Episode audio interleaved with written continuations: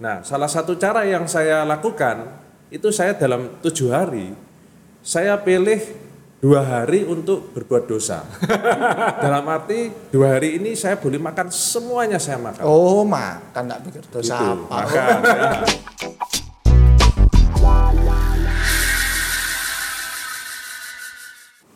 Halo, jumpa lagi dengan kita. Saya Joni Re dengan Om Asrul Ananda dan kali ini kita ada bintang tamu Om John Bumi Harjo. Nah, ini Om John ini ada nama jalannya di dekat Sutos ini ya Om ya.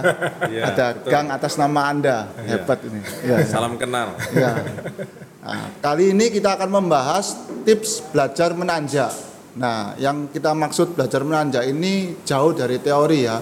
Maksudnya tidak terlalu banyak memakai teori, tetapi kita ingin berusaha bagaimana menikmati tanjakan karena banyak pertanyaan, banyak eh, pendengar itu kepingin tahu bagaimana sih eh, untuk menikmati tanjakan sampai seperti Om John, Abah dan lainnya itu sampai eh, menikmati perlombaan. Kalau kebanyakan mungkin lihat jalan miring aja sudah pusing, sudah sakit perut, tapi beberapa dari kita ini bisa menikmati tanjakan. Ya memang 99% tidak akan jadi atlet. Jadi yang kita siarkan di sini yang kita bagi adalah bagaimana menikmati tanjakan dan bagaimana pertama kali kita itu menanjak. Tentu pengalaman tiap-tiap kita ini pasti berbeda-beda. Ya. Nah, saya persilakan Om Asrul pertama kali nanjak gimana? Ya, makasih Om Ray. Jadi ini klarifikasi ya kan banyak yang mengira ini ini Johnny Ray, ini John Bumi Harjo. Ya. Jadi kalau uh, Om John ini founder uh, Wednesday Bike bersama saya. Jadi kalau uh, tahu Wednesday Bike namanya AJ1 atau Ya. AJ62 itu Azrul dan John. John yang ini bukan John yang ini ya. Oh ya.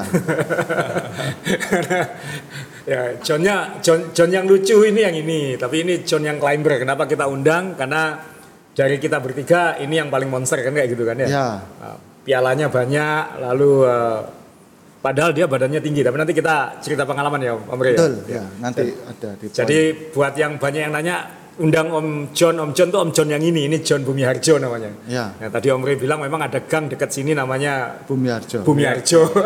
Nggak tahu waktu itu ditemukan di situ atau dilahirkan di situ kita nggak tahu tapi. Ditemukan. Kayak sinetron itu.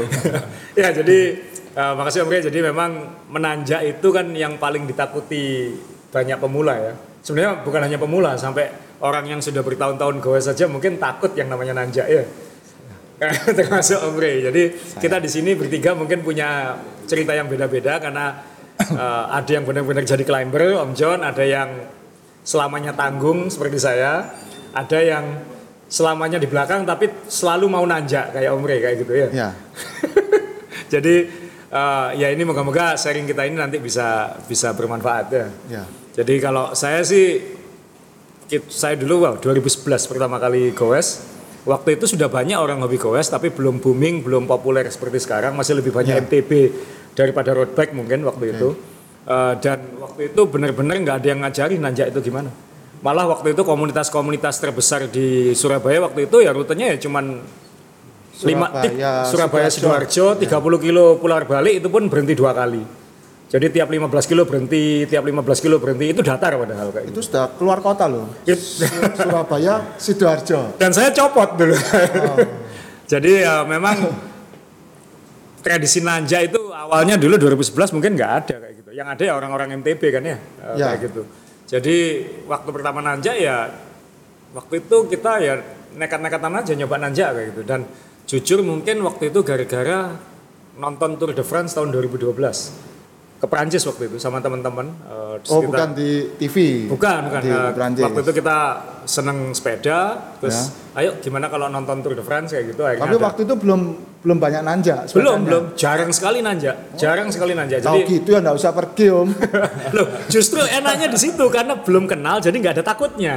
Oh, Kalau sudah pernah nanjak pasti ada takutnya. Ini kan nggak kenal gitu. Jadi pokoknya berangkat ya gitu. Oh ini ada ada ada ada paketnya waktu itu di Prancis. Eh, kita bisa goes di Sang Elise lalu juga melewati beberapa tanjakan ya berangkat aja sama beberapa teman eh, Jakarta, Surabaya, Madiun, Om Sony yang kita undang eh, minggu lalu di Ya. sepeda custom. Ya. Eh, jadi kita berangkat dan kita benar-benar pokoknya berangkat. Ada beberapa dari kita yang sudah kuat nanjak emang, tapi Oh. pengalaman dari MTB mungkin kayak gitu. Oke. Terus eh, waktu pertama ke sana tanjakan, ya ampun yang namanya tanjakannya di Perancis itu ya. Mm-hmm. Ya kan tanjakannya tuh 12 kilo, 15 kilo, nggak selesai-selesai kayak gitu. Dan benar-benar nggak bisa. Jadi sehari paling goes 20 kilo, jadi benar-benar dari bawah sampai atas gitu di Perancis ya. Selesai. Selesai dan itu, Itu pun di Perancis. itu di Perancis dan itu pun benar-benar ya ampun kalau ingat itu malu kayak karena kan benar-benar kecepatannya kecepatan siput gitu kan. Oh. Jadi waktu itu saya ingat betul gimana caranya supaya tenang menanjak karena nggak tenang kan. Kalau nanjak itu kan kita nggak tenang kan kayak pengen cepet tapi nggak bisa cepet, pengen Ya. cadence tapi nggak bisa cadence, Betul. napas belum ada, otot kaki belum kuat kayak Ya. gitu. Waktu itu ya saya cari siapa yang di sini nanjaknya sabar ya, yang kuat-kuat kan saya nggak bisa ikut kan kayak gitu. Tapi yang yang beberapa orang yang nanjaknya sabar ya saya ikuti aja. Waktu itu ada dua orang yang saya ikuti. Yang pertama eh, namanya Pak San. Pak San itu Lim Chong San itu salah satu senior cycling di Indonesia, kolektor salah satu kolektor Pinarello paling top di Indonesia mungkin. Beliau di Makassar. Di Makassar ya, dia salah satu eh, mungkin foundernya Makassar Cycling Club ya. MCC. Makassar Cycling Club Ya MCC. betul. Jadi saya belajar sama Pak San, eh, ngikuti Pak San aja dari belakang dan Pak San waktu itu nanjak pakai zip 404 saya ingat pakai pelek besar tapi dia bisa sabar nanjak gitu. jadi saya ngikuti dia kalau copot saya nyari orang lain lagi gitu waktu Oke. itu ada di Surabaya ada Pak Khoiri Sutomo eh, ketua SRBC Ya. dan waktu itu saya ngikuti Pak Khoiri gitu jadi kalau copot dari Pak San saya ikut Pak Khoiri atau berbalikan ya mana yang duluan kalau sudah copot dua-duanya baru bingung dan waktu itu banyak berhenti, banyak nuntun, banyak berhenti, banyak pokoknya kalau kemiringannya 8% ke atas gitu pasti nuntun dulu. Benar-benar nggak ada kekuatan. Terus saya ingat juga teman saya Prasna Murdaya waktu itu eh, dia juga pertama kali antusiasme sepedaan nanjak dan dia tuh digigiti lebah waktu nanjak itu. Oh, manis Ron. Enggak dia kalau ke- kepanasan dan siram-siram air dan airnya itu ada elektrolitnya kan kayak gitu. Ya, ya. Nah, terus waktu waktu tanya waktu tanya guide-nya itu saya digigiti lebah. Ya kalau kamu lebih cepat pasti nggak bisa ngejar lebahnya kayak gitu. Dan waktu itu saya ingat saya bilang, Azrul saya sekarang tahu limitnya seberapa kita pelan sebelum kita jatuh kayak gitu. Jadi kalau kecepatan kita segitu kita jatuh gitu. 3,2 km per jam. Jadi kalau kecepatannya 3,2 km per jam kita bisa jatuh gitu. Jadi jadi kita mengetahui waktu itu batas ambang pelan. Karena saking pelannya rodanya berputar, keseimbangannya enggak ada. Tidak ada dan Jatuh. jalannya miring, jadi Ya. kita masih belum menguasai sepeda seperti dulu. Jadi ya kayak gitu. Tapi kemudian gara-gara perjalanan itu ya jadi termotivasi gitu. Maksudnya eh, tahun 2013 ya masih belum jago nanjak. gitu. Ya. Tapi masih tapi mau waktu itu kita pergi ke California sama Pak San lagi belajar sama Pak San lagi eh, nanjak 2013 bulan Mei saya ingat waktu itu. Gue sama Peter Sagan waktu itu ketemu adalah. Jadi kita ketemu Peter Sagan belum bisa nanjak. Dan kita dipandu sama kakaknya Peter Sagan waktu itu, Yurai Sagan namanya. Itu jadi guide kita waktu itu. Terus eh, kita nanjak pelan-pelan, eh, beberapa memang cepat. Terus lama-lama ya diniati terus. Benar-benar nggak ada yang ngajari. Jadi pertama kali ke Bromo, 11 kali berhenti. 11. 11 kali berhenti naik ke Bromo itu. Belum sampai puncak Wonogiri padahal cuma sampai Tosari pertigaan. Jadi ya ya jadi jalani terus lama-lama ya bisa lama-lama bisa dan lama-lama ya jadi jadi lebih kuat. jadi itu ceritanya. Ya. Itu pertama kali nanja. Jadi intinya ya ya udah pokoknya dinaik aja sepedanya. Justru kalau kebanyakan teori mungkin malah kebanyakan mikir. Pasti yuk. Jadi ya tanja aja ya waktu itu kan juga tahun 2011, 2012, 2013 kan belum ada sprocket 32 buat road kan ya. Biasanya diakali dari MTB, iya, ya. langsung ke 34 atau 36 Iya, kalau salah. betul. Jadi waktu itu masih kadang 11.25, kadang 11.28, em, ter- paling besar ya 28 waktu itu ya udah lanjai Iya. aja. Malah mungkin karena nggak banyak opsi itu mungkin jadi malah jadi malah lebih berani. Ya.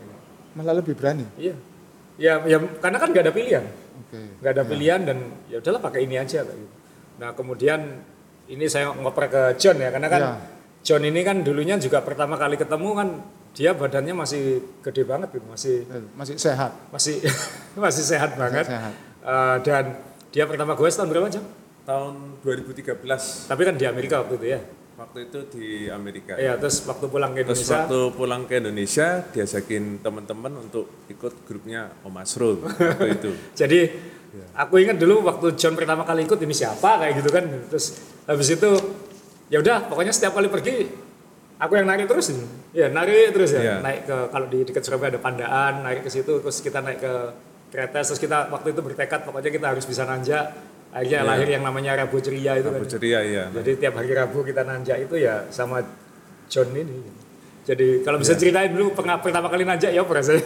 Ya jadi ini sedikit cerita pengalaman nanjak saya waktu pertama kali nanjak itu sangat berkesan. Saya masih ingat itu 2013 akhir kita bukan kita saya diajak sama Om Paulus Setiabudi ya. untuk ke Madiun. Sebenarnya itu acara dua hari ride, Ya. tapi saya diinfo cuma satu hari ride.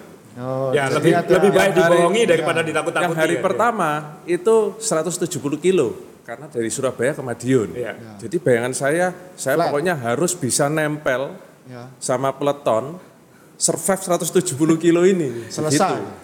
Dengan tidak ada bayangan kalau hari kedua ternyata ada Ya. bonus acara lagi yaitu balapan dari Madiun ke Sarangan. Sarangan ke atas itu. Yang danau di atas gunung itu ya. Iya. Jadi hari pertama akhirnya saya survive. Walaupun paling belakang, paling belakang sendiri, tapi saya survive sampai sama-sama dengan peleton. Bangganya luar biasa itu. Itu aku ingat itu. Aku Ya. tanya waktu itu. John ini pertama kali kamu jauh? Iya. Oh ya udah. Itu 170 km saya yang pertama itu yang terjauh. Nah, terus hari kedua, hari kedua cuma 40 kilo, tapi nanjak, nanjaknya nanjak sarangan. Untungnya jalannya sudah baru ya, Iya. jadi gradiennya tidak sesadis yang jalan lama. Tapi waktu itu karena pertama kali nanjak, ya, saya ikut aja. Sa- Saya setuju sama Om Masrul, kan tidak banyak berpikir. Dan saya tidak banyak pengetahuan tentang sepeda juga. Jadi isinya sudah hajar aja lah. Pokoknya mereka pergi, saya juga pergi. Begitu, kan hajar dulu kan. Ya, ya. Nah, terus saya ikut. Saya ikut awal-awal kan masih ringan. Habis itu mau deket-deket sarangan, itu tambah lama tambah begini. Gradiennya begini terus. Eh, Om, kalau ngomong begini tuh maksudnya gimana, Om? Jalan tuh begini, Om. Kalau begini di tengah gitu Begini lah. itu, Orang begini. bisa salah. Ini enggak Salah jualan asumsi. obat herbal ini, Om. Oh, Jadi jalannya nanjak gradiennya di atas oh, 10 persen. nanja. Ya, nanja. Ada 15 persen ya? Betul. Dan waktu itu saya tidak tahu kalau tanjakan itu bisa dibedakan oleh gradien. saya tahunya jalannya uh Miring. curam gitu. Papan tulis apa enggak? Ya, begitu. Nah, karena waktu itu saya belum banyak pengalaman, waktu itu saya pakai gearnya gear standar, pakai 5339. Itu bukan gear standar. Belakangnya- Gearnya kriterium biasanya. Betul. Jadi bukan untuk gear nanjak, belakangnya 1128. Alhasil kurang 5 kilo dari tempat finish, saya berhenti. Oh. Begitu kan tidak kuat. Ini berhentinya baik apa berhenti jatuh? Nah, ini. Berhentinya ini saya itu apa berhenti baik, tidak jatuh. Oh, bagus. Terus saya ya, kan itu. agak minggir kan. Ya. Nah, yang yang sakitnya lagi, Ya, setiap kali orang lewat, ya. ikut berhenti di sebelah saya. Dan kalau orang berhenti di sebelah saya, lihat sepeda saya, saya dimaki.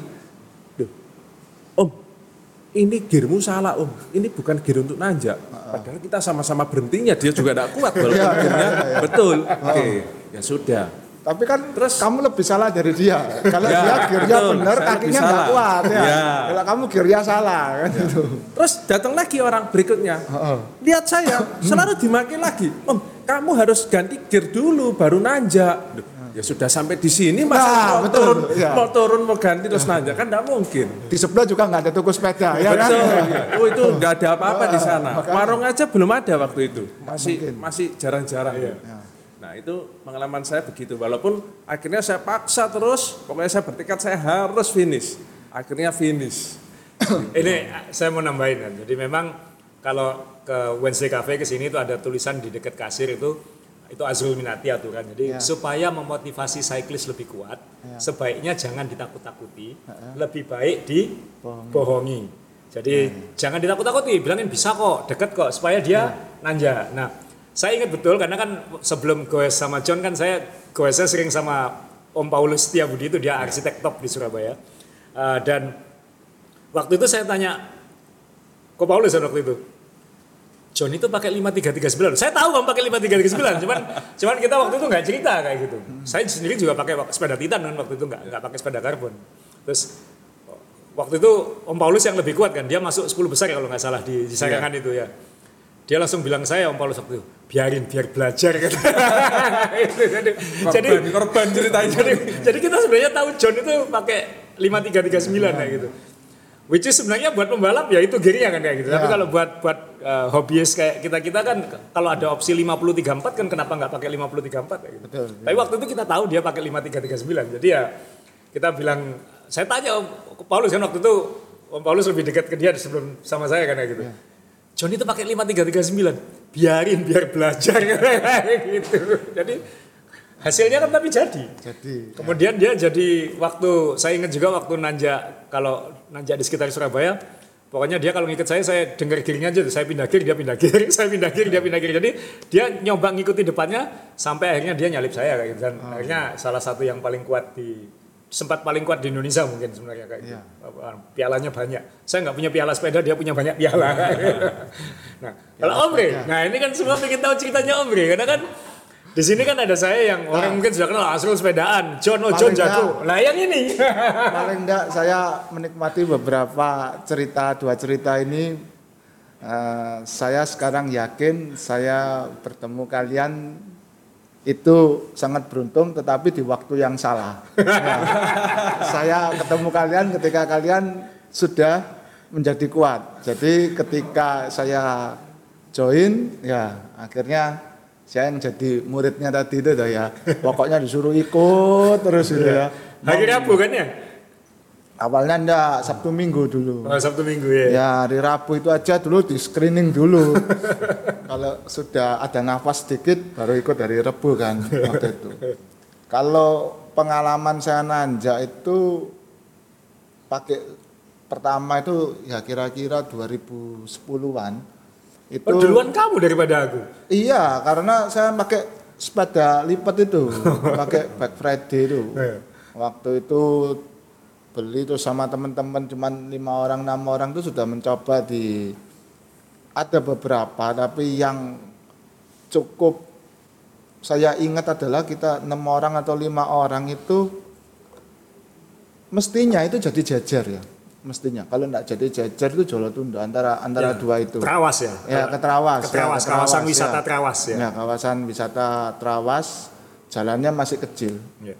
dan dengan ban kecil eh, yang saya pakai itu pocket rocket jadi eh saya lupa saya lupa sepeda yang mana cuman bannya itu kira-kira 20 inch. Itu jauh lebih enak dipakai untuk nanjak daripada ban sepeda balap karena ban sepeda balap kan 20 28 inch ya Iya. 700 c itu. Jadi kalau ini kan sekitar 20 22 Iya.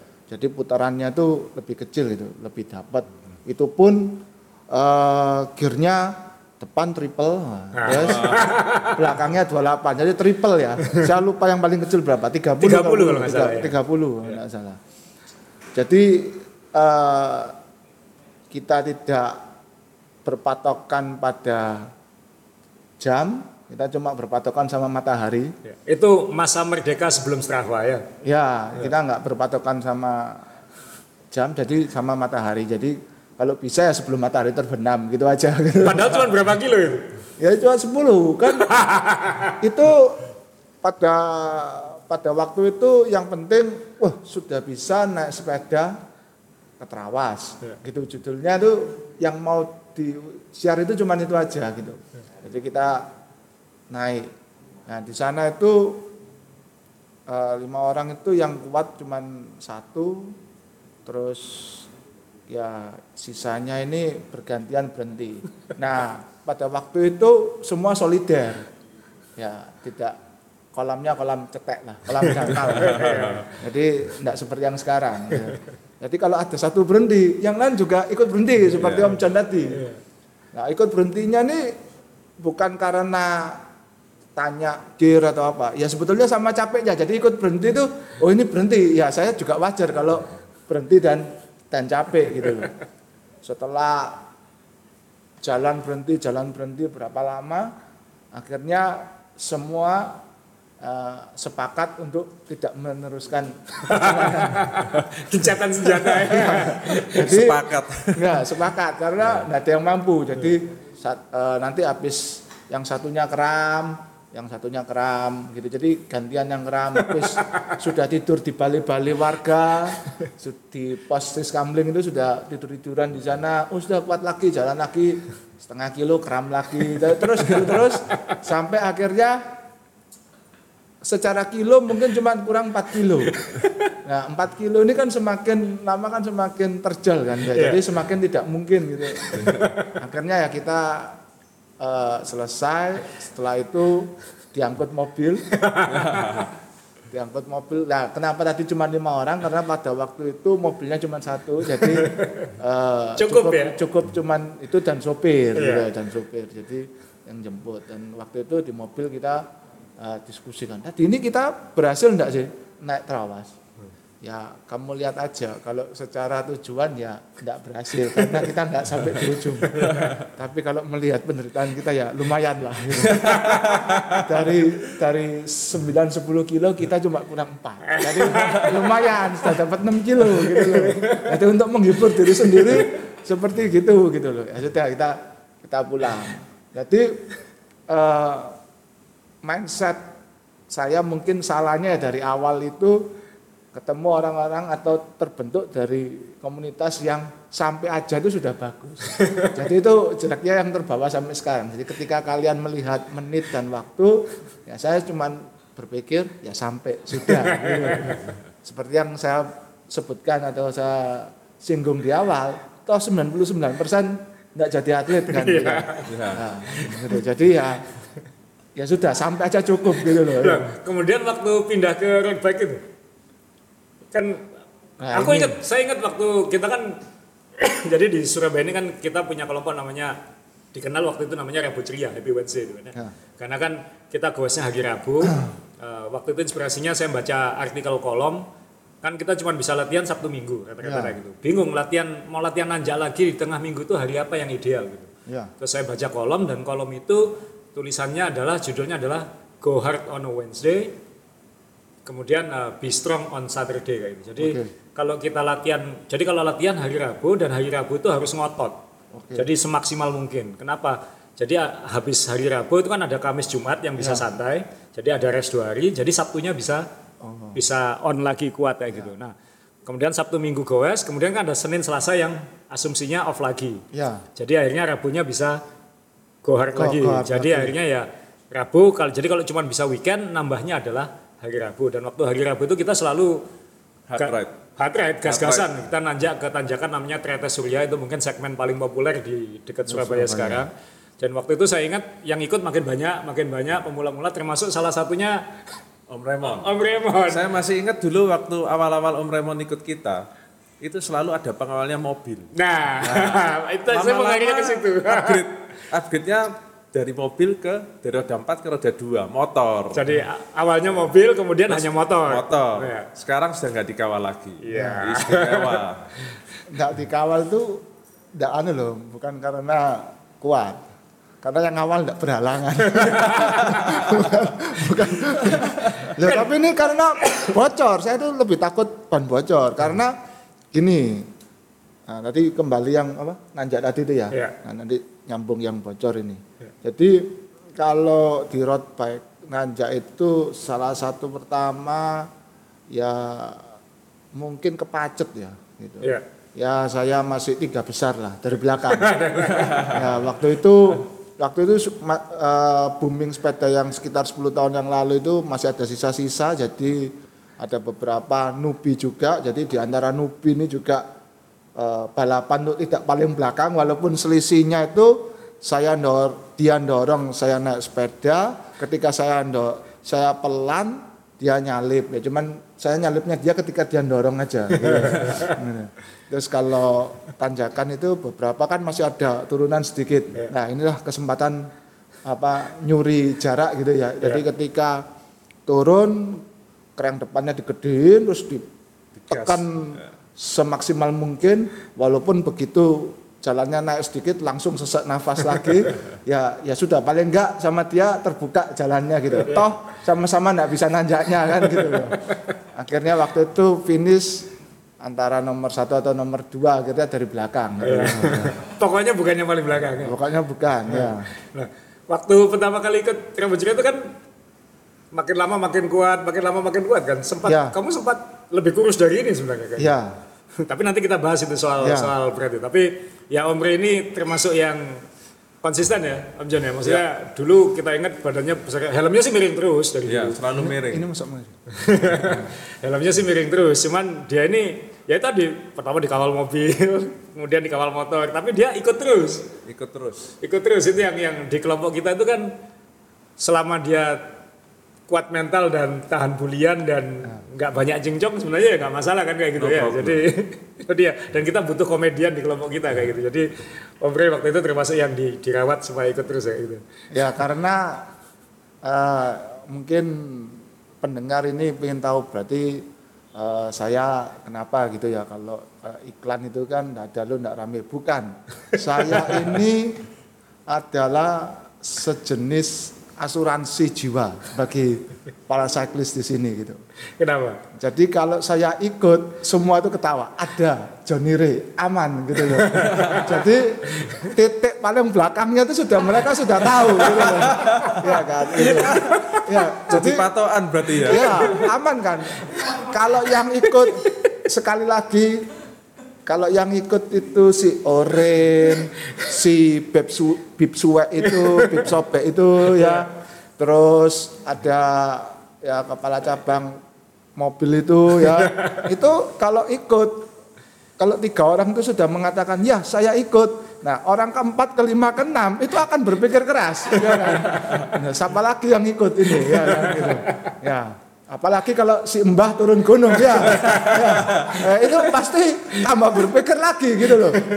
Ndak fit, ndak lagi eh, apa kondisi, ndak pernah latihan, jangan harap gitu loh. Nah, pasti yang ditanya berikutnya langsung saya. Eh, kamu ikut ndak ikut? Oke gitu loh. Karena apa? Pasti aman. Yang terakhir ini pasti ada saya gitu loh. Jadi mereka merasa jaminan mutu gitu, konsisten kan. Jadi kalau konsisten itu bisa konsisten cepat, konsisten cadence-nya, tapi juga ada konsisten konsisten di belakang. Ini kayak Bapak Ki Hajar dulu ngomong, ini Tutwuri Handayani. Jadi yang di, yang di belakang gitu loh. Ya tapi ngikuti temen ini kan juga eh, Om Bre tadi ini curhat sebenarnya Om Bre di sini sampai gitu. Tapi ya eh, tadi kembali soal ngikuti orang tadi kan maksudnya kita pasti ada acuan-acuan kan. Tadi kan Ya. kalau ada orang acuan paling belakang Om Bre, Ya. acuan paling depan eh, sempat Om John kayak gitu. Ya, Termasuk jadi- Orin, eh, Bib Sobek tadi kan semuanya pengen ngalahkan Om John kan kayak gitu kan. Ya.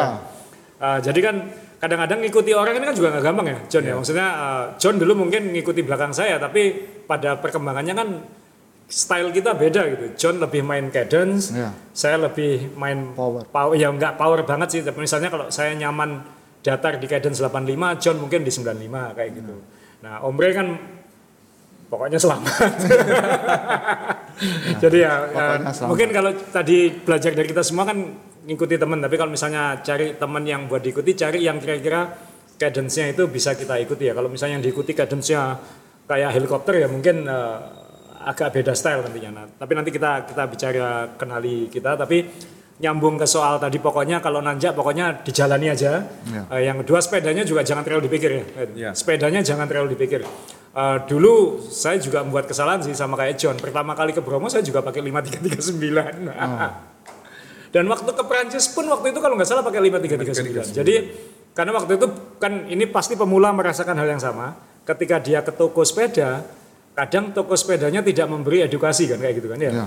Tidak memberi edukasi untuk apa, setelan seperti apa, pokoknya laku kayak gitu. Ya. Jadi waktu itu apesnya ya waktu itu beli sepeda ya itu yang saya bawa kayak gitu. Dan setelannya Itu satu, pokoknya lagu. Iya. Sebagai toko tugasnya menjual. Iya. Tapi ada kedua, ya Karena Om, it- yang jual ini juga tidak membayangkan kalau sepeda itu Anda bawa ke gunung-gunung yang di atas itu. Loh kan minimal kan ada opsi itu kan. kan Ada. kan- makanya cari toko sepeda yang pemiliknya sepedaan ya. Tidak harus atlet, tidak harus kuat, tapi yang penting dia sepedaan dan dia bisa cerita tentang sepedaan kan banyak pemilik toko sepeda itu kan maaf eh, gemuk kalau dulunya atlet lalu jadi gemuk mungkin nggak apa-apa tapi kalau dia nggak pernah jadi atlet dia gemuk sukanya ngompori orang tapi dia sendiri nggak goes itu kan hati-hati itu warning juga buat saya kayak iya. gitu. Karena waktu itu pengalaman saya kayak gitu. Jadi saya beli sepeda 5339 belakangnya 1125. Jadi kan pasti bukan Ya. Dipakai nanjak ya. Kalau atlet mungkin bisa, kalau buat kita kita kan pasti ya suffer gitu lebih lebih susah. Tapi waktu itu ya memang nggak ngerti, nggak ngerti kalau sprocket itu ada banyak macamnya, nggak ngerti kalau uh, crank chainring itu ada ada compact dan standar, belum ada 5236 waktu itu. Nah, jadi ya waktu itu ya ya dipancal aja, maksudnya di digowes aja kayak gitu. Jadi ya uh, intinya kalau ingin belajar nanjak, buktinya ya John pakai 5339 ya naik sarangan, saya pakai 5339 ya sampai ke Bromo meskipun berhenti 11 kali. Ya. Om Ren juga dulu kan juga mungkin nggak terlalu Om Ren sudah mikir udah pakai triple dia waktu pertama kali aja. Karena dia mungkin Tapi Lebih beda advance Om. sudah. ya, Memang secara teori, secara teori. Jadi ini harus kita luruskan ya. ya, Jangan eh, waktu saya pemula itu kan kayak, kayak tadi Om ngomong ditriplekan. Iya. Jadi memang lebih ringan, tapi Iya. ada resikonya. ya. Jadi ketika gear itu lebih kecil, memang kakinya ini lebih ringan, tapi di situ ada masalah baru, yaitu kapan sampainya. Ya. Jadi Kayak hamster ya. ya, jadi ketika gear itu semakin kalau sprocket belakang semakin besar, itu misalnya ngomong aja ekstrimnya 34, Iya. 32. Iya. Ya, waktu dulu waktu saya fit itu kan bisa pakai 28. Iya. Ya memang yang 28 ini lebih capek, tapi capeknya ini pendek. Misalnya eh, eh, satu tanjakan tuh bisa satu jam misalnya gitu. Nah, kalau kita pakai 32 dengan gaya yang ya lebih dienakkan dengan cadence yang sama pakai 32 ya pasti ini bisa satu jam 10 menit. Nah, sedangkan tubuh membakar eh, apa energi itu kan rumusnya dua. Satu eh, pertama waktu dan juga beban beban wattnya yang dikeluarkan kan Iya, gitu. iya. Karena gini, kita di rumah ndak sepedaan aja, tetap butuh makan. Iya. Betul ya? Nah, kalau semakin lama di sepeda, seperti Pak Guru itu sering ngomong sama saya, saya ini orang sabar, Iya. karena tanjakan yang lainnya satu jam, saya dua jam gitu. Iya. Nah, jadi itu, jadi di sini jangan dikira ketika kita itu semakin ringan, itu eh, semakin enjoy. Belum tentu, karena badan kita akan suffer atau akan menderita dengan jenis yang lain, yaitu apa? Kelaparan. Karena laparmu lebih lama. Ya, gitu nggak loh nyampe-nyampe ya. nggak nyampe-nyampe gitu loh. Kalau kita bisa lebih cepat, kaki mungkin pegel nyaris kelam, tapi eh, makanan itu akan lebih cepat kita santap dan tubuh ini bisa cepat kembali tena- tenaganya. Bisa recovery. Bisa recovery, Jadi ya. banyak sengsara dalam waktu lebih pendek Ya. atau membagi sengsaranya jadi lebih lama kayak gitu Ya, ya. tapi kan membagi lebih lama ini kadang-kadang tidak eh, apa ya mengepus untuk memendekkan waktu sengsara Ya. sama memanjangkannya ini kan seni ya. Ya. Tiap orang beda gitu Ya, loh. Cari sweet spotnya nanti. Iya betul. Ya kayak Om Jan pasti nggak betah dikasih sprocket 32 atau 34. ya. Ya kan? Pasti Iya. nggak betah kan kayak Iya. muter-muter dan ini juga tadi ini ekstrim satunya tadi saya bilang beli sepeda tuh 5339 1125 tapi ekstrim Hmm. lainnya kan ada yang datang minta langsung paling ringan gitu. Saya ingat dulu sebelum ada 1132, sebelum Ya. Durai sekarang 1130 waktu itu pilihannya ya 1125, 1128 atau pakai MTB tadi dimodifikasi kan ya. Ya. Jadi pakai RD-nya MTB kemudian dipasangi sprocket 36 saya ingat dulu. Dan jadinya ya seperti Om Roy cerita tadi, ya nggak sampai juga gitu Ya, karena jadi di gunung itu dia kelihatannya mengayuh gini, jalan kadensnya bagus. Iya. Tapi yang 1128 dengan setengah-setengah kram itu pasti bingung. Loh, ini kok kadensnya muternya bagus itu tapi kok kayak naik treadmill gitu ya, kok diem gitu ya karena gearnya kebesaran. Iya. Itu satu. Tapi secara teknikal yang nomor dua yang perlu saya ingatkan, sering kali sprocket MTB itu eh, terlalu besar untuk RD eh, root. ya Jadi dia sampai nariknya terlalu miring, Iya. kadang-kadang sampai eh, bagian apa eh, tensionernya itu sampai natap ke Iya. Nah, ada beberapa kasus itu patah pecah ya. patah masuk ke wheelset. Dua-dua kalau yang rusak cuma RD-nya masih enggak apa-apa, tapi kadang-kadang dua-dua kan karena keselip di rujinya itu. Kadang frame-nya kena juga kayak gitu. Ya, karena nyangkut kan gitu. Jadi eh, perlu diketahui jadi memindah sprocket ini ke balap harus tahu ini kompatibel enggak sama RD-nya. Jadi jangan dipaksa. Kalau saya sih pokoknya gini kalau ditanyain saya ganti pakai eh, MTB atau gimana? Udah gini, ada alasan kenapa Shimano, SRAM, Campagnolo atau produsen grup set itu menetapkan road bike itu pakai 5339, 5236 atau 5034. Ya. Eh, toh sekarang sprocket atau mungkin SRAM sekarang ada 5037 dan yang Ya, yang kecil-kecil Tapi itu itu, kan ya. sebenarnya mirip ya, Ya. rasionya mirip. Eh, ada alasan kenapa kayak gitu karena ya memang itu yang dianggap paling optimal untuk Dipakai. untuk performa kan kayak Ya. gitu. Jadi ya kalau kita dipasangi 5034 sama 1132 atau 1134 masih nggak bisa nanjak ya berarti jangan salahkan sepeda aja kan kayak gitu kan ya. Ya. Berarti ya kitanya yang kurang Orangnya yang salah. orangnya ya, ya salah atau belum kurang kurang latihan. Ya, kurang kurang latihan. latihan. Jadi Sebenarnya yang ada itu bukan kita tidak kuat, tetapi kita tidak terlatih gitu. belum kuat. Belum kuat. Ya. Ada yang bilang kok memang eh, saya pernah nanya waktu itu ke ke orang ya waktu kita ikut ikut ke Itali ke Rafa atau apa gitu. Waktu kita goes ke Itali sama CEO-nya Rafa waktu itu. Kan waktu itu saya banyak belajar waktu itu 2014. Saya tanya, memang butuh berapa lama sih sebelum kita ini bisa punya otot yang ideal buat sepedaan? Jawabannya tiga tahun. Jadi kalau kita rajin latihan pun itu kira-kira butuh waktu tiga tahun untuk otot-otot otot-otot badan kita semua ini menyesuaikan dengan eh, sepedaan itu. Jadi saya dan saya pikir benar juga ya setelah sekarang saya praktis hampir nggak pernah kram kecuali kalau situasi ekstrim ya kayak misalnya 300 kilo panas sekali kayak gitu. Tapi eh, nanjak-nanjak 100 kilo 150 sudah nggak pernah kram. Jadi memang mungkin sudah terbiasa gitu. Jadi ya berarti kan nggak ada cara lain selain latihan udah ya jalani aja kayak gitu. Jadi jadi kayak gitu. Nah kemudian kan setelah kita jalani kita pengalaman ini kita ngomong ke yang berikutnya adalah akhirnya kita kenal badan kita masing-masing. Ya. Ya. Kayak saya sangat gampang bilang John ini termasuk climber menurut saya. Tinggi badannya 187.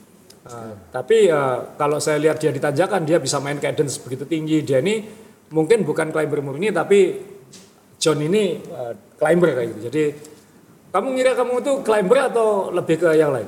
Kalau sekarang kalau disuruh menilai diri sendiri, kalau melihat orang, Kalau sekarang saya bisa bilang saya ke climber.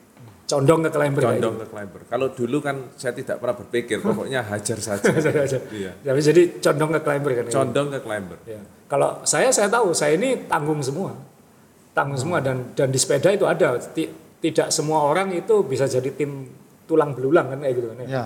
Tidak semua punya fisiologi atau kondisi badan yang yang bisa eh, memungkinkan dia jadi optimal di climbing kayak gitu dan di dunia balap pun macam-macam kayak gitu juga kan ada yang ada yang pure climber kayak gitu, ada yang time trialist lah, ada yang eh, sprinter, sprinter yang biasanya proto tapi dia nanjaknya ampun-ampunan kayak gitu. Ya.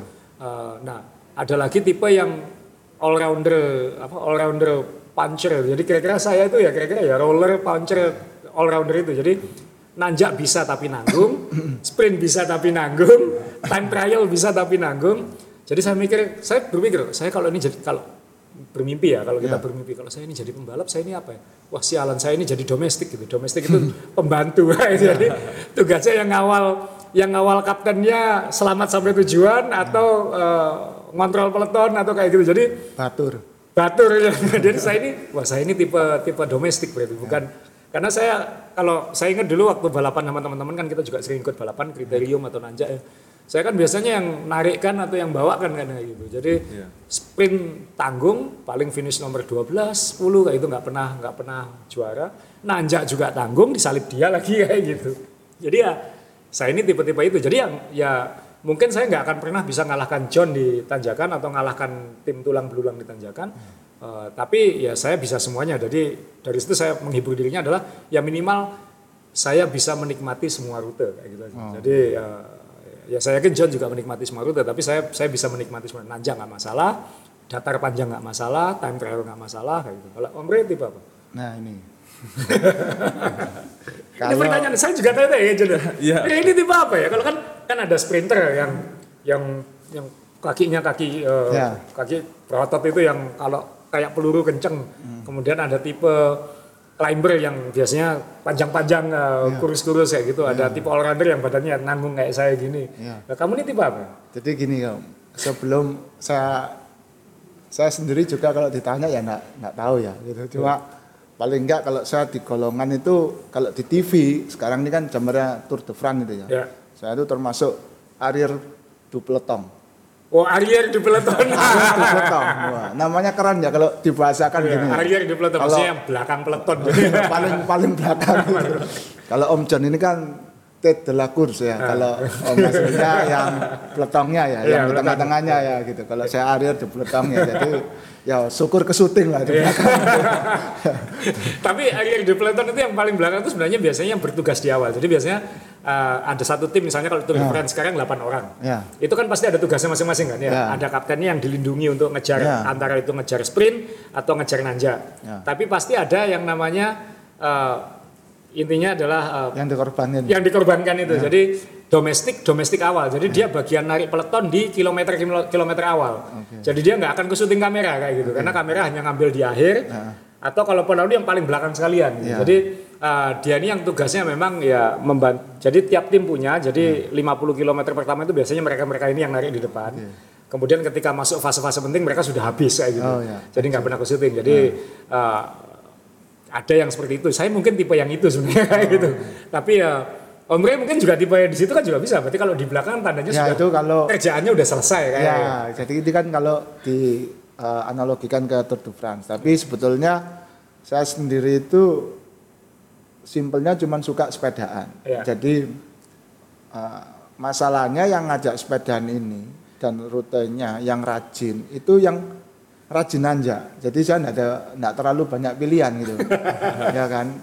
Toh kalau saya makanya sepeda yang minggu lalu itu kenapa sepeda saya minggat karena saya lebih siap sepedaan sendiri. Maksudnya ya ya sudah sepeda waktu itu kan belum ada banyak temennya ya. Iya. Jadi mindsetnya sepedaan sendiri. Jadi kalau ada temennya walaupun dia naik gunung atau ke mana ya pikiran saya sebisa mungkin bareng gitu toh. Jadi ketika sampainya terakhir pun ya nggak masalah kan karena toh mereka juga perlu istirahat ketika sudah di eh, ujung gunung gitu ya.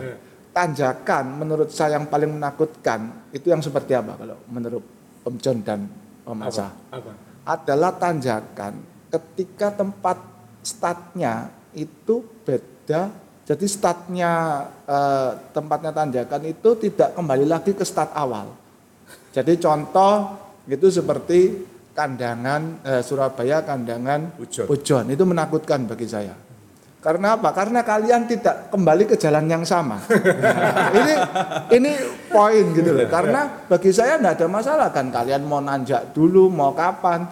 Nah, yang penting kan bagi saya itu endurance-nya. Iya. Yang penting saya bisa ikut pulang karena saya perlu pulangnya kan gitu ya. Kan jadi terlihat eh, bodoh dan goblok kalau saya ini eh, sepedaan sendirian se, se 40-50 km sendirian kan gitu. Nah tanjakan yang paling serem ketika dia sudah sampai dia lewat jalur lain untuk pulang jadi muter gitu kan ya. Jadi nggak Nggak ketemu lagi. Nggak ketemu lagi. Ya, ini yang menurut saya paling menyeramkan itu tanjakan yang seperti ini. Mau Bromo itu tinggi tapi tidak serem karena saya tahu pulangnya lewat situ. Jadi kalau Ketemu lagi. ketemu lagi. Nah, kalau soal ransum saya bawa. Iya, Iya. iya. Endurance saya masih punya gitu. Tapi kalau bayangkan ke Surabaya Bromo kalau PP sepedaan itu 200 kilo. Saya cuma lihat teman-teman itu sampai Pasuruan itu cuma 60 kilo. Nah, berarti 140 kilonya ini sendirian kan. Nah, ini kan bodoh gitu loh. Maksudnya, lah ngapain sepedaan ya? Sepedaannya sendiri dari awal kan gitu ya. Tapi kalau kan saya sudah ngitung, ah paling finishnya di situ. Jadi kalau yang lain sudah turun, ya saya kan tinggal putar balik, oh jalannya dua arah, iya kan, gitu loh. Kan boleh, nanti yang larang, eh terus dulu putarnya di atas, kan enggak, kan bisa putar balik kan gitu. Jadi ya saya memberikan tips sedikit, ya saya hanya penikmat sepedaan, toh 99% nggak jadi atlet kan. Iya. Yang kenceng-kenceng ini juga nggak jadi atlet kok. Jadi ya jadi boleh sah kalau teman kalian tuh turun, kita bisa ikut, Ikut putar turun. balik. Sebenarnya di kampung kita dulu sempat ada aturan nggak boleh kayak gitu ya. Meskipun turunnya sama, tapi kalau belum sampai atas tidak boleh tidak boleh boleh turun. turun. ya. Harus finish dulu. Itu aturannya kalian kan, tapi yang aturan pas-pasan gini kan beda gitu loh. Nah ini kan ya kalau memang masih ada waktu Iya. kita kan bisa bisa ngejar ke finish mungkin masih ditunggu. Iya. Tapi maaf maaf ini tidak semua teman sebaik itu gitu. loh. Ya. Jadi nah, pilihannya dua antara kita tuh idealis ke garis finish yang di ujung tadi ya atau ikut pulang gitu loh. Nah saya lebih memilih ikut pulangnya gitu. loh. Ya. Jadi ketika yang penting ransumnya ada ya jadi istirahatnya itu waktu putar balik kan turunan gitu ya, sambil ngunyah, sambil apa gitu kan, istirahat itu. Malah yang eh, walaupun mereka yang kuat-kuat itu makan pun sampai bawah juga lapar lagi kan gitu. Jadi ya sama aja lah, sama-sama dengan saya gitu loh. Tapi kan ada cerita juga, Om Bre, kan sering di kelompok kita ini banyak eh, nyubi-nyubi coba ikut kan ya? Ya, Nyubi-nyubi coba ikut. Kalau hari Rabu biasanya kan kita kalau ini siapa? Kalau ini nggak pengalaman sebaiknya jangan ikut karena ini bahaya karena speednya datarnya speednya tinggi, nanjaknya nggak ada toleransi, Ya. pulangnya lebih kejam lagi kan ya gitu. Ya. Jadi banyak yang takutnya ketika pulangnya sebenarnya karena kita ngebut kayak berangkat kerja kan kayak gitu. Nah kemudian eh, banyak pemula ini juga memaksakan diri ikut.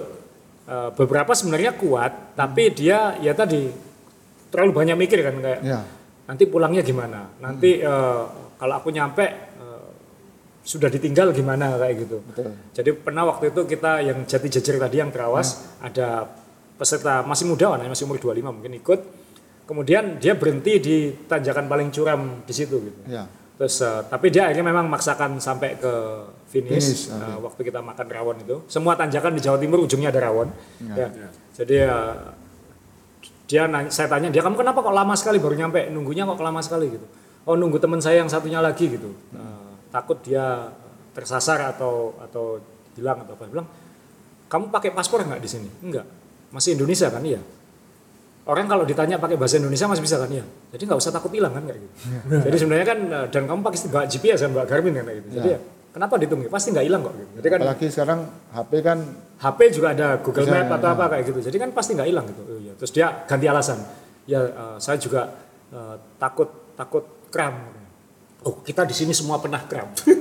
Om John pernah kram. Saya sering kram. Ya.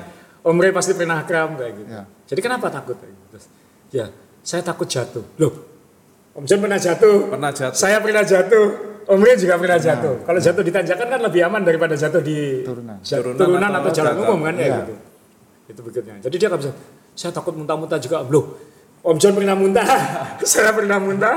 Om Ray juga pernah muntah-muntah gitu. Jadi memang itu fase yang harus dilewati. dilalui. dilalui kayak gitu. Jadi ya ya kembali lagi ke awal lah dia. Udahlah nggak usah terlalu banyak mikir teorinya ya coba aja. Lama-lama kuat kok lama-lama kuat. Kan kayak kita belajar jalan waktu bayi kan kayak gitu lama-lama bisa Ya jalan. cuman lama-lama itu diucapkan dua kata lama-lama. Tapi kita badannya lama-lama itu berapa lama? Kan ya tiap orang beda-beda kayak gitu. Ya. Karena kan eh, kalau ngomong soal badan kan pasti berat badan kan. Nah ini kita eh, bagian terakhir nih Ya. eh, Om Ria sama Om John. Jadi berat badan. Dulu mungkin di podcast ini nanti bisa dipasang video before after kita semua ya ya Wah, serem juga. ini. Om John sudah dia nggak tahu kan minggu lalu sudah kayak gitu. Nah, jadi eh, kita pasang before after karena memang eh, dulu berat maksimalnya berapa? Saya di area 102, 103. kilo. 102, 103. Kamu maksimalmu berapa? ya saya sampai tidak berani lihat timbangan Di atas Ya. 100. Pasti karena timbangan itu rusak jadi Ya, serius jadi timbangan saya itu adalah timbangan yang sangat mengerti pemiliknya jadi dia tahu bagaimana menunjukkan angka yang halus gitu jadi karena ketinggian rusak aja gitu ya. Ya enggak, jadi misalnya saya timbang gitu ya. Ya. Jadi kalau kita timbang di situ itu angkanya waktu itu 98, 90 sekian kan gitu. Jadi wah saya enggak sampai 100 lah gitu ya. Terus habis itu eh, setelah itu saya karena waktu itu mesti ke dokter atau apa check up atau gimana timbangannya timbangan rumah sakit. Iya. kan pasti valid ya. Iya. begitu timbang wah itu angkanya itu yang lihat sudah susternya. Jadi saya sudah tidak berani lihat karena angkanya sudah 100 lebih gitu. Jadi jelas rusak itu timbangan di rumah waktu itu gitu kan. Jadi catat waktu ya memang 100 sekian gitu kan gitu. Nah, cuman eh, ya dengan tinggi 178 berat 100 itu kan kelebihan ya 20 kilo lebih ya gitu. Jadi ya ya gitulah beratnya. Jadi 102, 100 lebih. ya. Saya 85 sih paling tinggi. 85 karena dulu kan suka olahraga jadi eh, relatif enggak terlalu tapi sempat gemuk banget waktu itu karena lutut cedera. Ya. eh, operasi nggak bisa olahraga akhirnya berat jadi 85. Kemudian sepedaan turun-turun-turun motivasi nanjak karena hukum nanjak pasti turun berat badannya Om John. Jadi paling min, paling paling ringan berapa? Setelah sepedaan ya, setelah sepedaan sadar bahwa harus ringan, paling ringan berapa? Paling ringan saya 75 kilo. Oh, 75 kilo. Dengan tinggi badan 180. 187. Jadi dia paling kurus 187 cm 75 kilo. Ya. Anda paling kurus berapa? 77. 77. Ya, sekarang ini 83, 82. Ini kalau Anda. Saya paling kurus pernah 68. Jadi 175 tinggi eh, berat sempat 68. Sekarang berapa? Sekarang 83. 83, 82. Saya sekarang 75, berarti imbang 175 75 kira-kira kayak gitu. Om John sekarang berapa? Sekarang 80 81. 80 81. Kalau misalnya disuruh memilih berat ideal dengan pertimbangan nanjaknya nyaman cepat tapi badan enak sehari-hari, pilih berat badan berapa? Om Ray dulu. milih. Iya, misalnya kalau ini berat badan ideal saya lah, minimal ketika ikut teman-teman nanjak saya performanya optimal, tapi sehari-harinya juga masih enak, masih bisa menikmati makanan, masih bisa Ya 77 itu. tujuh-tujuh itu. Ya. Kalau Om John Kalau saya mungkin tinggi badan dikurangi 110. digituin aja, jadi Iya. 77. Berarti untuk tinggi badan saya 77. Iya, jadi Iya.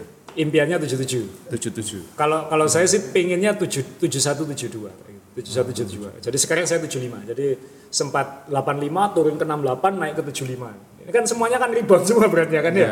Apalagi kita semua sudah kepala 4 kayak gitu. Jadi Masuk. dia nggak mau ngaku. dia nggak mau ngaku. Ada yang nanya itu di komen, umurnya Om Ray berapa ya? Ini kepala 4 kalau itu. Jadi Enggak ah. Enggak masa. jadi ketika uh, Salah. Jadi berat kita rebound makin sulit kan jaga berat badan. Jadi uh, impian saya sih kalau bisa paling ideal 72. 72 itu nanjaknya cukup cepat. Nah, mungkin nggak bisa PR tapi nyaman karena waktu 68 itu gampang sakit juga sih. Nah sekarang men, eh, seperti tadi Om ngomong ya, memilih berat badan berapa? Menarget bukan Menarget. memilih, iya. Nah, nah, kalau kenapa orang kok nggak langsung milih berat badan itu tik gitu? Nah, kalau bisa ya saya pencet dari kemarin-kemarin. Oh, kan mengarah ke situ sulit itu. Sulit ya, karena memang pengen makan, apalagi eh, ya ini sekarang di WNC Cafe. Om Ray ini kan suka makan, jadi kalau pergi sama kan mesti makan tuh, dan dia makannya nggak karuan. Jadi eh, apalagi sekarang sudah digoda ini, ini kita di WNC Cafe Surabaya, salah satu menu paling populer ini ada ini spaghetti rawon. Spaghetti rawon. jadi jadi ada menu populer di sini. Jadi memang susah sih karena wah, saya ingat waktu 68 itu benar-benar nanti Om John ceritanya pasti lebih lama karena dia dietnya lebih ekstrim daripada saya kayak gitu. Ya. Uh, jadi saya waktu itu sempat jadi vegetarian, nggak makan daging, nggak makan, pokoknya benar-benar gimana caranya supaya uh, dijaga betul supaya kurus banget itu. Jadi sempat 68 sih. Itu memang nanjaknya enteng banget. Cuman memang gampang sakit. Jadi misalnya cuaca nggak enak dikit, flu, terus radang tenggorokan. Jadi akhirnya saya milih ngeribon ke 7172 itu berat paling nyaman dan saya sih vegetarian dua minggu berhenti, vegetarian dua bulan, eh satu bulan berhenti. eh, kalau mau event baru di kain. Tapi sekarang gimana caranya supaya lebih stabil aja lah gitu. Apalagi situasi pandemi kayak gini kan jangan sakit kayak gitu. Nah, Om John kan sempat sangat ekstrim karena Ya. tinggi 187, berat 77. Waduh itu apa namanya eh, kurus banget ya, kurus banget Ya. sampai dikira sakit kamu ya. Ya, jadi kawan-kawan lama saya itu kalau ketemu saya yang sudah lama ya, kan ada 10 tahun nggak ketemu, lima tahun lebih nggak ketemu. Ketemu saya pada bingung semua, pada tanya, loh kamu kok jadi kurus begini? Kamu sakit ya? Loh, enggak, aku sehat kok. "Loh, Secara kamu kok fisik. Kayak, kamu kok kayak orang sakit cancer habis kemoterapi. Sudah kurus, rambutnya nggak ada kan? Rambutnya nggak ada. Jadi pikirnya saya ini sakit, padahal hasil darah saya justru sangat clean, Justru sangat clean. sangat clean semua.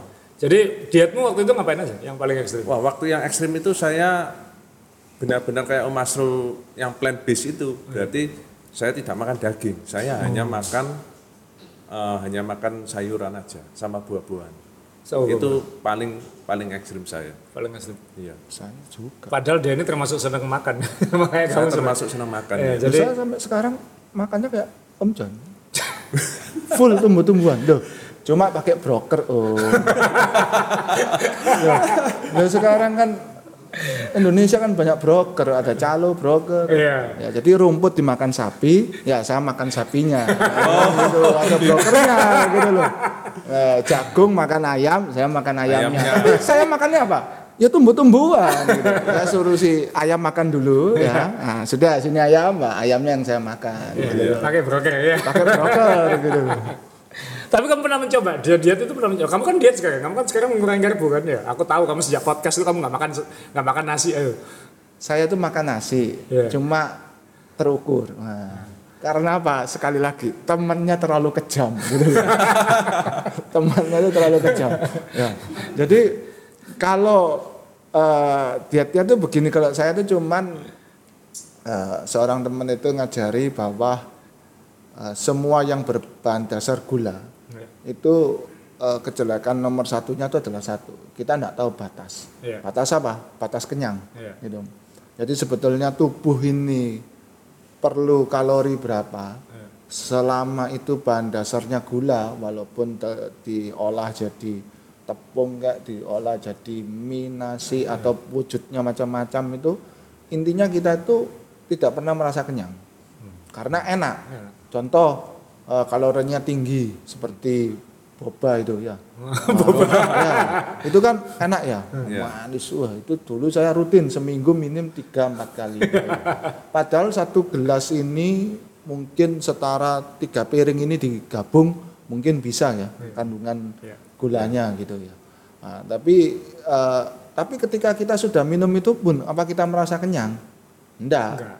Kita tetap merasa lapar. Ada kick lagi, apalagi yang Choco Devil yang wah yang coklat coklatan gitu ya. Wah itu tetap bisa masuk gitu loh. Iya. Ada mie lagi, tetap bisa masuk gitu loh. Itu kalau kamu ya, kamu kalau makan nggak Enggak, taruh. tapi secara cenderung sesuatu yang manis itu Anda akan bisa lebih gampang Lebih gampang untuk untuk masuk untuk kan gitu masuk, loh ya. setuju. Ya, itu jadi Saya ingat tuh pergi sama dia makan sop buntut tuh dia ada sop buntut, sop buntut goreng, eh, sop semur lidah. semua lidah.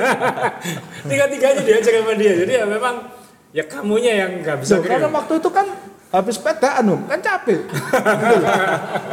Perlu asupan. perlu asupan. Perlu Jadi asupan. kalau kita memakan sesuatu yang nah, seperti daging gitu, ya kalau kita makan eh, umpamanya gini, kita kan dari kecil tidak terbiasa makan pizza ya, kecuali generasi bawahnya kita ya. Tapi kalau pizza gitu, saya tidak bisa banyak, paling dua segitiga itu Ya. eh, sudah enak ya. Ya sebetulnya kita kan kalau sudah kenyang, ya ya sudah berhenti kan gitu. Tapi kalau gula kan enggak gitu loh. Sudah makan ini ini ini, dessertnya apa? Nah, itu tadi boba ada apa gitu. Terang atau bulan. cake. Nah, terang bulan itu kan masih sah satu aja lah. Terang bulan itu martabak manis ya. Ya, Ya, martabak martabak manis. manis. Jadi ketika makan satu gini kan niatnya pasti ngomong ya satu lagi. aja. Tapi ketika enak ini tak beli di mana gitu. Tapi sambil sambil gini tangannya kan gitu ya. Makan lagi kan gitu. Jadi rasa eh, kekurang terus apa eh, saraf eh, stimulus di otak kita itu pasti berasa kurang kurang. Padahal kurang. dia Om John ini kalau misalnya mau event atau mau nanjak nanjak berat besoknya, malamnya pasti ngiming-ngimingi teman-temannya makan martabak manis itu. Duh, kalau mau event perlu menurut Iya, saya karena besok kan Dihabisin, iya. dihabisin gitu loh. Itu memang perlu. Yang jadi masalah ini kan yang tertimbun sebelum event itu tadi. Gitu. Yang tertimbun karena eh, seperti yang pernah kita bahas dulu ya. Sepeda dari 8 kilo ke 6 kilo mahalnya minta ampun ya Ya. perlu tab- menguras tabungan, Iya. pecah celengan ayam, celengan apa macam-macam cuman tapi menurun eh, itu padahal cuma dari 8 Ke 6 kilo. Ke 6 kilo. Itu bisa 100 juta selisih. Ya, Iya. makanya. Nah, kalau kita mengurangi berat badan itu, kenapa kita nggak mengurangi berat badan saja kan? Karena itu jauh lebih Murah. mudah, lebih murah gitu. Jadi ya itu. Iya. Tapi ya ternyata ya nggak sesimpel itu. Ya kalau Om tanya kenapa berat badan saya segini-segini aja ya karena hobi bersepeda ini tidak eh, saya harus saya sinkronkan dengan hobi makan saya. gitu. Jadi Kita, kita tunggu podcast Johnny Ray makan. Tapi ya memang memang selisih ya Johnny. Maksudnya eh, ketika badan kurusan nanjak itu memang enteng sekali kan ya. Iya, jauh lebih enak. ya karena selama kita tinggal di bumi pasti seperti gitu. ya, karena hukumnya sama, Gravitasi. gravitasi. Sebenarnya saya sama Om Rey itu sama, saya suka makan, Om Rey juga suka makan. Dan saya sepedaan itu mau jauh-jauh, mau nanjak, mau apa itu supaya saya bisa membakar kalori lebih lagi. Jadi saya bisa makan lebih banyak lagi. Betul. Ceritanya ya. seperti itu. Ya itu saya ingat eh, Joyce Leong itu foundernya Joy Riders di Singapura kan. Ya. Dia juga gowes terus rajin tapi memang nggak pernah ngejar performance. Dia memang dia mah nanja-nanja sebelum ikut. Dan saya tanya loh, berarti kamu apa yang bikin kamu paling termotivasi untuk sepedaan gitu? Karena ngejar ngejar performa bukan. Dia bilang saya bersepeda untuk justify my eating. Gitu. Jadi saya bersepeda supaya bisa makan. Oh, Jadi ya sup- supaya bisa makan lebih lebih Iya. banyak. Jadi ya eh, sekali lagi ya s- tadi Om Reda bilang 99% nggak akan jadi atlet. Atlet, ya. Tapi kalau saya nyadar sih umur 40 ke atas kan memang makin sulit metabolisme sudah nggak kayak dulu. Ya. Eh, jadi recovery-nya jadi lebih sulit. Eh, kemudian gampang sekali gemuk ya loh, Jan. Maksudnya Iya, tiga hari nggak goes, uh naik sudah langsung naik sekilo. sekilo kayak gitu jadi kan mau nggak mau memang harus harus rajin harus rutin eh, ya demi menjaga kondisi aja sih kayak gitu jadi ya muka-muka ini ini bisa jadi motivasi juga gitu maksudnya nanjak pun tujuannya bukan untuk jadi juara tanjakan tapi karena itu mungkin cara bakar kalori paling paling cepat. paling cepat kan kayak gitu ya bakar kalori paling cepat ya nanjak ya perlu diberi catatan kalau badan kita ini bisa beradaptasi dengan kebiasaan. Ya. Jadi ketika saya awal-awal dulu bersepeda dan menanjak, makan saya tuh bisa saya loss. Ketika Om tadi tanya kan, kok kamu pakai diet sekarang? Karena sedikit banyak badan saya ini adaptasi. Ya. Jadi mesinnya tuh seperti F1, cc-nya dikesi- dikecilin ya. Dengan cc yang lebih kecil tapi kemampuannya hampir sama. hampir gitu. sama Jadi outputnya, wattnya hampir sama, apa horsepowernya lebih sama. Jadi seperti itu. Jadi kalau kita mungkin awal-awal kita bersepeda itu makan sebanyak apa pun, sepedaan lagi itu langsung cepat kurusnya. Tapi ada saat di mana tubuh ini sudah beradaptasi. Jadi eh, kita makan sedikit melebihi porsi yang ideal itu berat kita sudah nambah. Walaupun sepedaannya sudah jauh, sudah, Jadi menanjak ceritanya bahan bakarnya tambah irit. tambah irit ya tadi makanya sisi sisi mesinnya kan tambah Ya, kecil itu, itu bahaya juga kan karena Ya. kalau dulu 50 km sudah bakar 1000 kalori sekarang saya nyadari sih 80 kilo itu kadang-kadang bukan belum 1000 kalori kayak gitu jadi Ya. waduh ini berarti kan makannya harus lebih dijaga lagi Harus di- jadi dijaga lagi betul. tantangannya memang makin berat jadi ini memang ada teorinya ya kayak eh, power to weight ratio FTP tapi kita nggak mau bahas gitu kita kita pengen kita pengen yang penting ya yang penting jaga makan lah. Maksudnya percuma keluar 100 juta menurunkan sepedanya dari 8 kilo ke 6 kilo kalau berat badannya naik dari 75 ke 80 kilo kan ya gitu kan ya. Jadi eh, berat badan ini kalau kita membiasakan diri menanjak itu mengajari diri kita untuk menjaga berat badan juga. Itu jadi ada ada benefit tambahan sih kalau kalau menurut saya. Nah ini sebelum kita akhiri eh, podcast ini saya pengen tips-tips khusus ya. Maksudnya eh, Om Ray ngasih tips khusus di luar yang sudah kita bahas. Om John ngasih tips satu hal yang yang paling berkesan paling apa mungkin supaya yang ngikuti ini bisa dapat eh, sesuatu yang baru. Ada ada tips khusus nggak apa yang Ya. pengen dibagi Sebenarnya kalau masalah pengurangan berat badan ya, ya.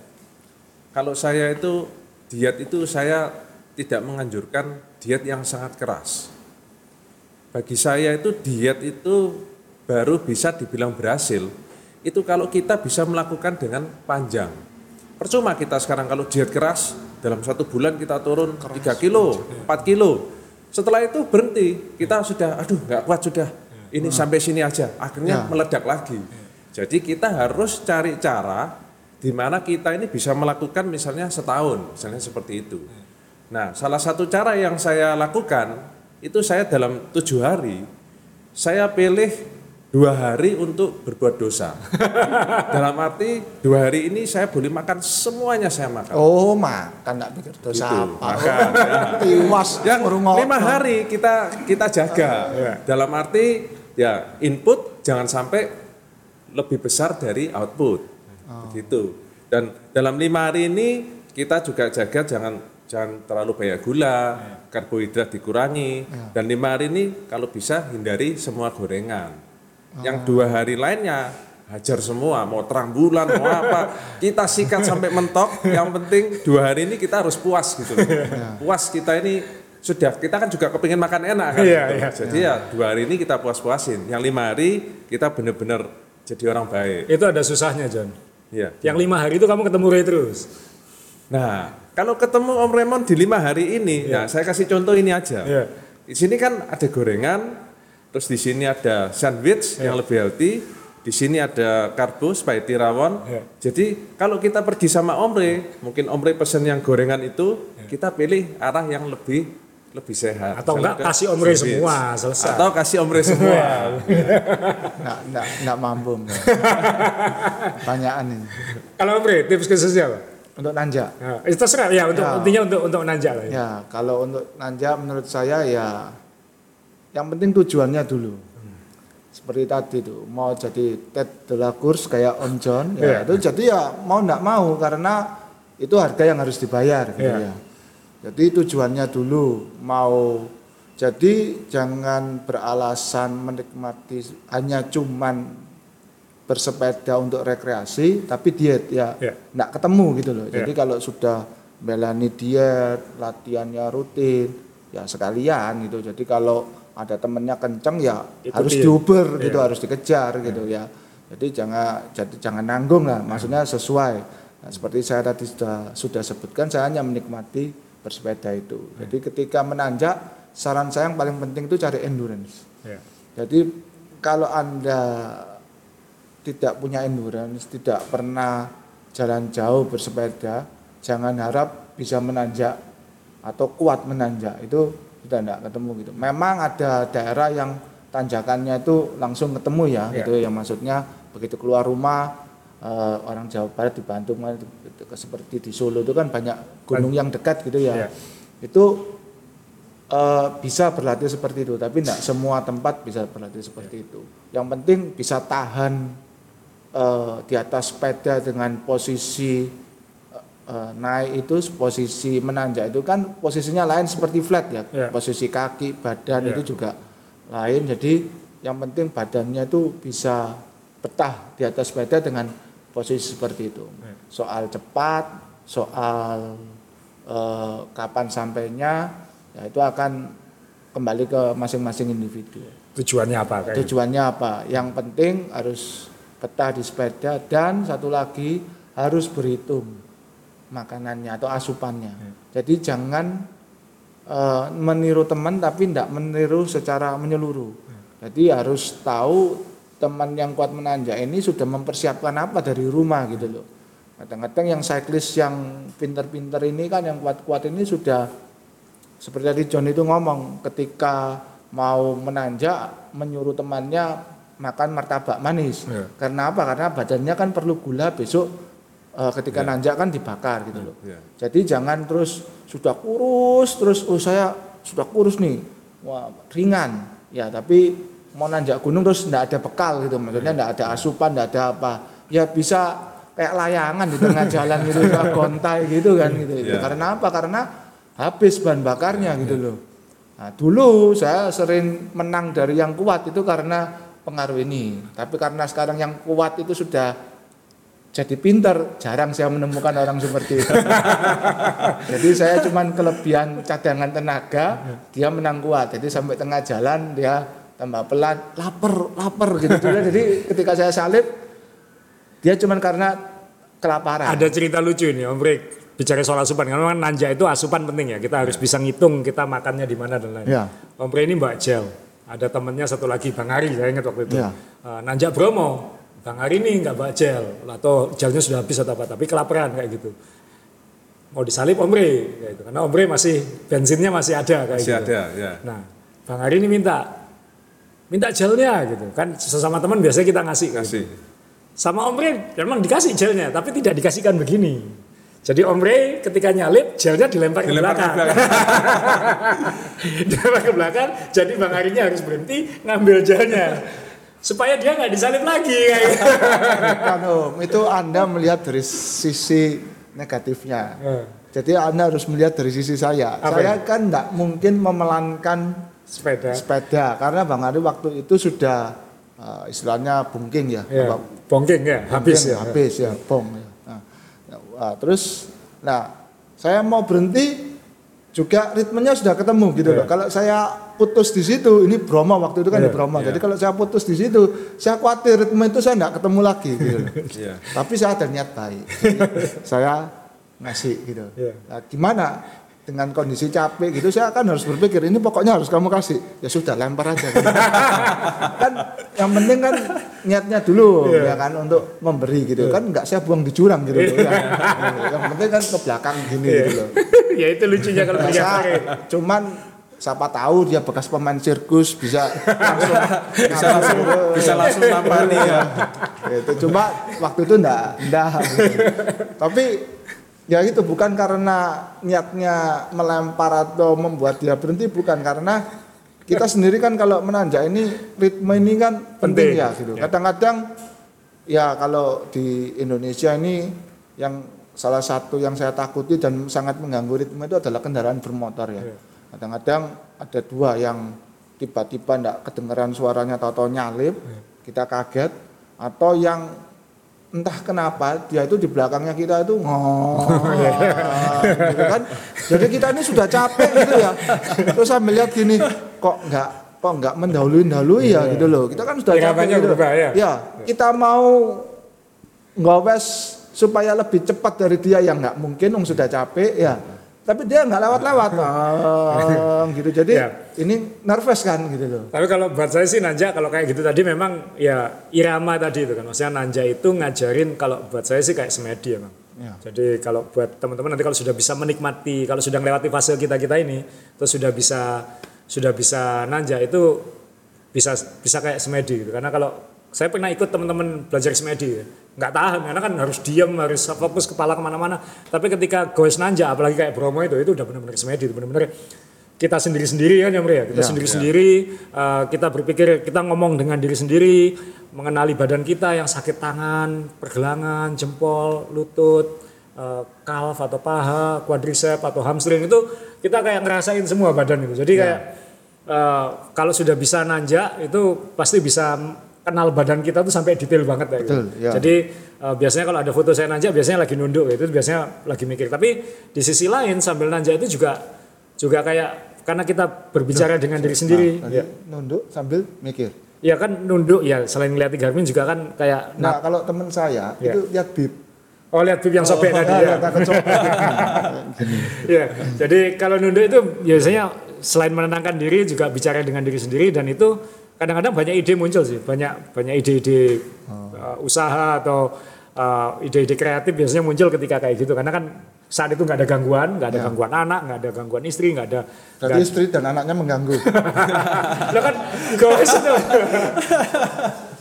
jadi kita benar-benar fokus sama diri kita sendiri gitu loh. Maksudnya itu itu juga bisa jadi jadi anu juga apa jadi alat semedi juga dan soal nanja kan kadang-kadang memang kita ngejar PR ya, habis-habisan. Saya pernah ditanya gimana rasanya ngejar uh, rekor waktu gitu? Gelap terang gelap lagi. Jadi uh, itu uh, stres banget. Tapi kadang kebanyakan kan pokoknya kita sampai endurance kayak Omri tadi. Jadi ya uh, jangan terlalu memaksa, konstan, irama kayak Omre, eh, napas. Ini saya belajar satu hal waktu di Itali sama guide-nya Rafa itu.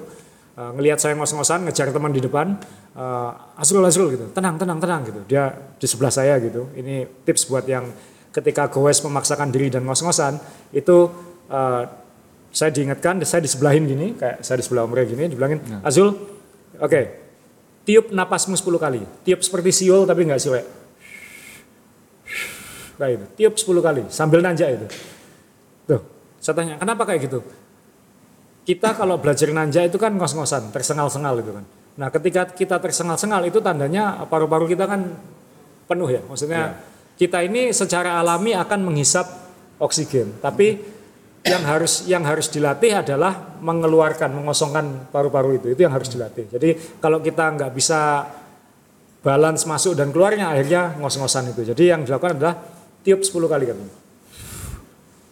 sampai 10 kali dan itu bener kayak kayak buka kayak gitu. Lebih lega. lebih lega. Jadi setelah itu nanjanya habis itu dari situ belajar irama. Jadi setiap kali ngos-ngosan saya kayak gitu, kayak gitu. Dan itu saya terapkan sampai sekarang dan itu salah satu eh, alasan bisa belajar ngatur napas dan itu berguna untuk hal-hal lain untuk ngatur napas. Jadi ya itu itu itu tips eh, dari kita. Eh, ini sudah nggak kerasa sudah satu jam lebih. Ya. Jadi ya asik juga ngomongin tanjakan ya karena Om Bre banyak curhatnya kalau kita ngomongin tanjakan ini. Jadi ya nanti mungkin kelak kita akan kembali lagi ke tema tanjakan ini dan lebih lebih teori mungkin ya kayak gitu lebih lebih detail lagi mungkin eh, bagi yang pengen lebih jauh tapi buat yang pemula-pemula mungkin apa yang moga-moga apa yang kita sharing ini bisa bisa bermanfaat. Jadi ya eh, terima kasih sudah ngikuti, sudah satu lusin episodenya. Eh, kita sampai ketemu di Solusin. sudah solusin Oh ya, yang lalu 11 ya. yang satu sebelas. Jadi ya kita ketemu lagi di podcast yang selanjutnya. Thank you Om John, thank you Om Rin. Thank you. Sama, makasih semua.